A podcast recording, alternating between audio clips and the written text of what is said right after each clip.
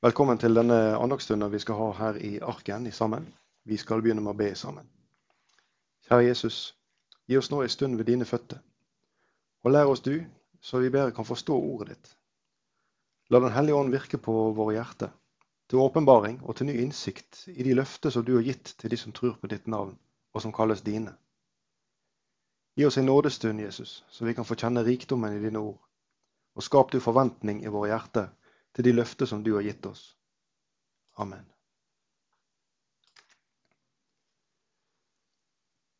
Men de som venter på Herren, får ny kraft. De løfter vingene som ørner. De løper og blir ikke utmattet. De går og blir ikke trette. Dette verset det leser vi hos eh, profeten Jesaja i kapittel 40 og vers 31. Dagens situasjon for mange er at de venter. Mennesker de venter på så mangt. Noen venter på at eh, situasjonen rundt koronaviruset skal endres, og at livet skal vende tilbake til normalen. Andre venter på en spesiell hendelse, eller på å kunne jobbe igjen. Noen venter og lurer på om de skal bli friske, eller om noen kommer for å hjelpe. Noe venting er preget av lengsel, mens annen venting innebærer frykt for det som skal komme, eller kanskje for det ukjente. Dagens bibelvers det handler om å vente på Herren. Mange mennesker vi kan lese om i Bibelen, har gjort nettopp dette. Og de har lurt på om han i det hele tatt kom til å oppfylle løftet, eller til å løse spesielle situasjoner, siden ventetida ble lang. Og sånn er det med mange av oss. Vi er utålmodige, og vi vil ha snarest eh, mulig svar. Vi er ofte lite interessert i venting, og vi vil helst unngå det. La oss se på et sånt bibelsk eksempel.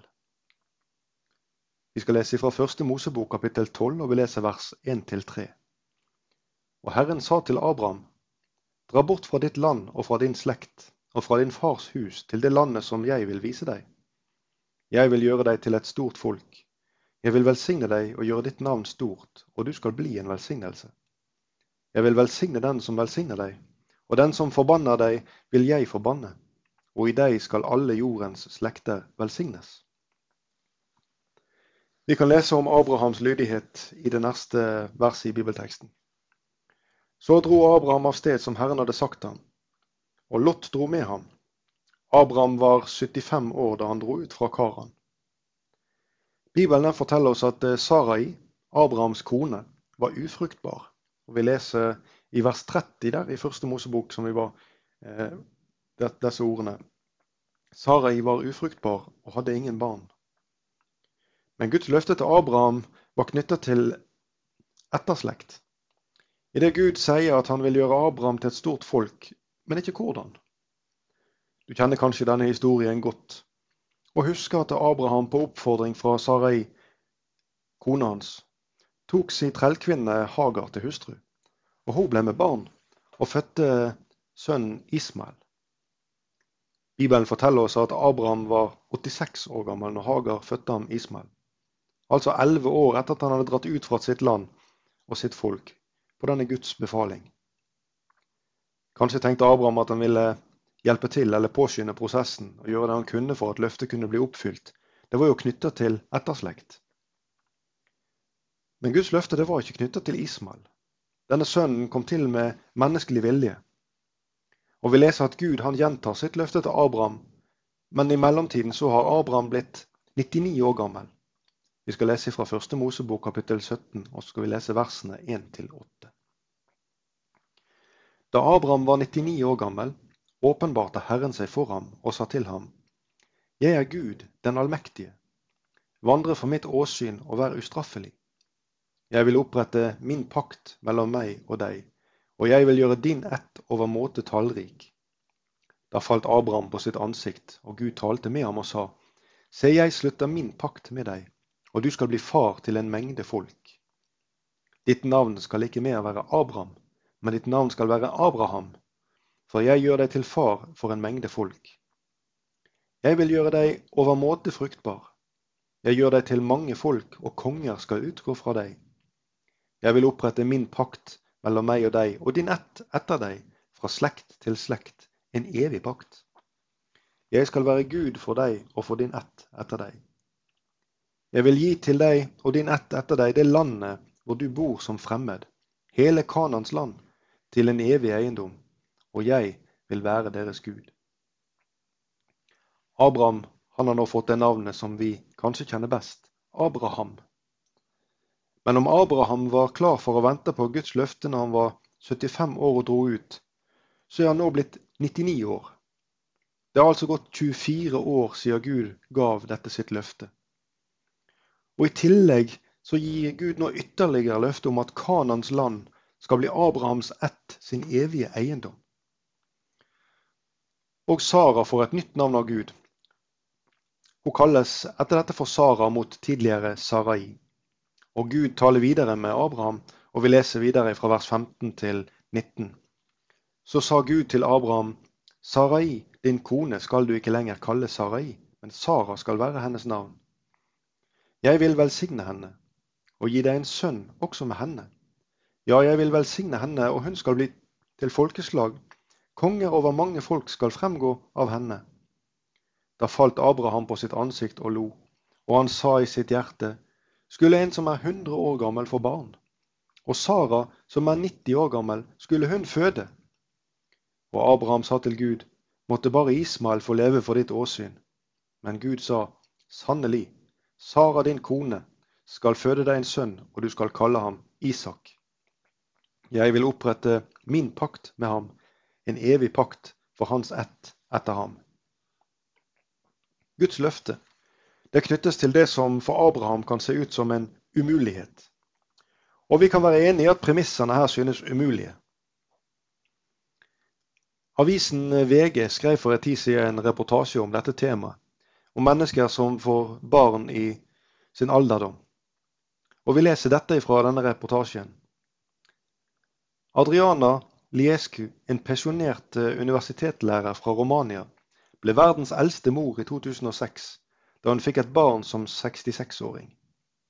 Maria Del, en spansk kvinne, fikk senere barn via prøverørsbefruktning som 67-åring. Men ingen av dem slår Rayo Devi, som er den første kvinnen i 70-årene som blir mor. Disse ordene var å lese i denne reportasjen i VG. Men til sammenligning så er altså Abraham 100 år og Sara er 90. Og vi kan vel konkludere med at VGs reportasje trenger en oppdatering. Det var heller ikke prøve, prøverørsbefruktning involvert. Men Gud som gjorde alle ting under himmelen, han gjorde også dette mulig. Og Sara fødte sønnen Isak etter Guds løfte. Det tok altså 25 års venting, hvor premissene for løftets oppfyllelse i mellomtiden stadig så ut til å forvitre. Vi skal gjøre et større hopp i bibelhistorien, men vi er fremdeles i dette løftet som er knyttet til Abraham. For Gud lover han en etterslekt, og denne pakten den blir videre knyttet til Isak. Isak han fikk sønnene Jakob og Esau med sin hustru Rebekka. Og du som kjenner historien, du vet at Jakob ble far til sønner som senere ble til Israels tolv stammer. I løpet av om lag de neste 400 år så blir disse stammene til om lag to millioner mennesker, som befinner seg i egyptisk fangenskap og slaveri. En kan undres over Guds veier. Men også dette hadde Gud forutsagt skulle skje med Abrahams slekt. Hvis vi blar tilbake igjen og leser i første Mosebok kapittel 15, og vi leser vers 13, så leser vi disse ordene som Gud sier til Abraham. Og han sa til Abraham, du skal vite for visst at din ett skal bo som fremmede i et land som ikke er deres. De skal trelle for folket der, og de vil bli undertrykt og plaget i 400 år. Men Guds løfte til Abraham det innebar at denne slekten skulle få sitt eget land som de skulle ta i eie. Og dette landet det er det samme landet som Abraham oppholder seg i når Isak ble født. Og det er også det land som Gud ba Abraham dra bort til når han gav ham løftet. Vi leser fra 1. Mosebok 15 og vers 7 hvor dette spesifikke landløftet gis. Og han sa til ham, Jeg er Herren som førte deg ut fra kaldeernes ur, for å gi deg dette landet til eiendom. Det er nokså mye å lese og legge ut om dette temaet, men vi nøyer oss i denne omgang med å slå fast at Kanans land, det er det landet Gud lover Abrahams etterslekt. Men det er et problem. Jakob, far til de tolv stammer, han dro ut nettopp fra Kanan til landet Egypt. Og etter hvert så ble folket fanger, ja slaver, i dette egypterlandet. Guds løfte til Abraham syns langt borte i dette perspektivet. Men vi husker altså at Gud forutsa dette til Abraham, at du skal vite for visst at din ett skal bo som fremmede i et land som ikke er deres. Og De skal trelle for folket der, og de vil bli undertrykt og plaget i 400 år. Det er på denne tid at vi leser om en mann som heter Moses, som i en alder av 80 år sendes som redningsmann for dette folket som er i fangenskap og slaveri i Egypt. Og vi ser om å konkludere at Guds redskaper de er ikke nødvendigvis eh, i samsvar med de egenskaper som vi mennesker ville valgt. Dette er også et tema som vi både burde og kunne ha utdypet, men det får vi ta ved en annen anledning. Gud han har ikke glemt dette folket gjennom disse 400 årene. Og han har heller ikke glemt sitt løfte. Vi leser fra 2. Mosebok kapittel 3 og vers 7-10. Og Herren sa, Jeg har så, vidt, har så visst sett mitt folks nød i Egypt. Jeg har hørt deres klagerop over slavefogdene, og jeg vet hva de lider. Nå har jeg steget ned for å befri dem fra egypternes hånd. Jeg skal føre dem opp fra dette landet, til et godt og vidstrakt land, et land som flyter med melk og honning. Det er det landet hvor kananeerne bor, og hetittene og amorittene og ferisittene og hevittene og jebusittene. Israels barns krig har nå nådd opp til meg. Jeg har også sett hvordan egypterne mishandler dem. Gå av sted. Jeg sender deg til farao. Du skal føre mitt folk, Israels barn, ut av Egypt. Sammen med sin bror Aron så reiser altså Moses til Egypt. Og gjennom de ti plager som Gud sender over egypterne, så lar farao dette folket til sist fare. Dette folket som er Abrahams etterslekt. Han lar de dra ut fra Egypt. Og Gjennom 40 års vandring i ørkenen så venter dette folket på å få komme fram til Kanans land, det landet som Gud har lovt å gi dem. Vi ser at løftet til Abraham det oppfylles, men det knyttes lang venting til denne oppfyllelsen. Abraham han ble far til Isak. Det tok altså 25 år fra løftet til dette skjedde. Og i mellomtiden så søkte han etterslekt gjennom egen vilje. Det tok 400 års fangenskap, og det tok 40 års ørkenvandring før Abrahams etterslekt skulle få se løftet om Kanan bli oppfylt, og først da også gjennom krig og trengsel. Men Guds løfte til Abraham stanser ikke ved etterslekt og land til eiendom. I første Mosebok 12,3 så leste vi en setning som omhandler Guds evige plan for menneskeheten. Vi leser dette verset Og i deg skal alle jordens slekter velsignes. Dette er altså i Abraham. I deg skal alle jordens slekter velsignes. Bibelen forteller oss at det er direkte slektslinje fra Abraham til Jesus men òg at Abraham sjøl er innpassa i den samme slektslinje helt ifra skapelsen av. Dette kan du lese om i Lukas 3. Der kan du lese hele slektsforholdet helt ifra Adam og til Jesus. Guds løfte gjennom eh, Abraham det gjelder alle jordens slekter. Og gjennom Jesus så er dette oppfylt. Vi leser flere slike universelle løfter i Bibelen. Et eksempel kan vi lese fra Romerbrevet kapittel 10 og vers 9, som sier at for dersom du med din munn bekjenner at Jesus er Herre, og i ditt hjerte tror at Gud oppreiste ham fra de døde, da skal du bli frelst. Her spørres ikke etter andre premisser. Her er ingen slektsforhold som må være på plass. Her er ingen gjerninger som må være på plass. Her spørres etter om du med din munn bekjenner at Jesus er Herre, og i ditt hjerte tror at Gud reiste ham opp fra de døde, da står det et løfte her til alle verdens mennesker som har det slik. Da skal du bli frelst. Johannes 3, 16 er et annet slikt eksempel, som sier at For så har Gud elsket verden, at han gav sin sønn den enbårne, for at hver den som tror på ham, ikke skal fortapes, men ha evig.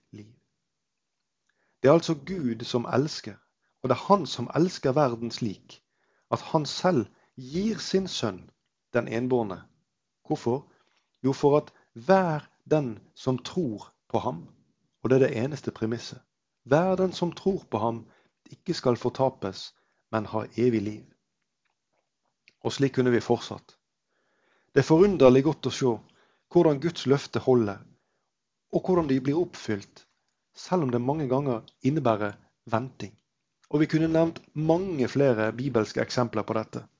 Men jeg tror at gjennom det vi nå har lest, har forstått nettopp dette poenget. Vi skal igjen se på bibelverset som vi starter med.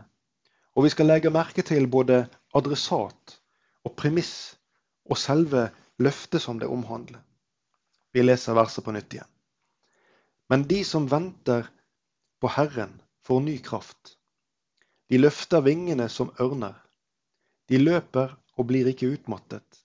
De går og blir ikke trette. Dette var fra Jesajas 40 og vers 31. La oss se litt mer på hvem dette gjelder. Jo, dette gjelder altså de som venter på Herren. Vi starter med å beskrive ulike former for venting. Men dette det gjelder altså venting på Herren. Venting det innebærer en visshet om noe. For om det ikke var venting, ja, så var det vel mer å betegne som håp. Tenk deg at du venter på en besøkende. Du har avtalt at vedkommende skal komme, så du venter. Dette er noe annet enn å håpe. Og ventingen den har et element av tro i seg. Du har avtalt med din venn at dere skal møtes, så du venter i trygg forvissning om at dette skal skje. Dersom du ikke hadde gjort en sånn avtale, så kunne du alltids håpe at du og din venn skulle møtes, men det blir noe ganske annet. Å vente på Herren det innebærer altså en visshet i tro. Og vi ser at dette det korresponderer med Bibelens beskrivelse av tro som en betingelse for frelsen.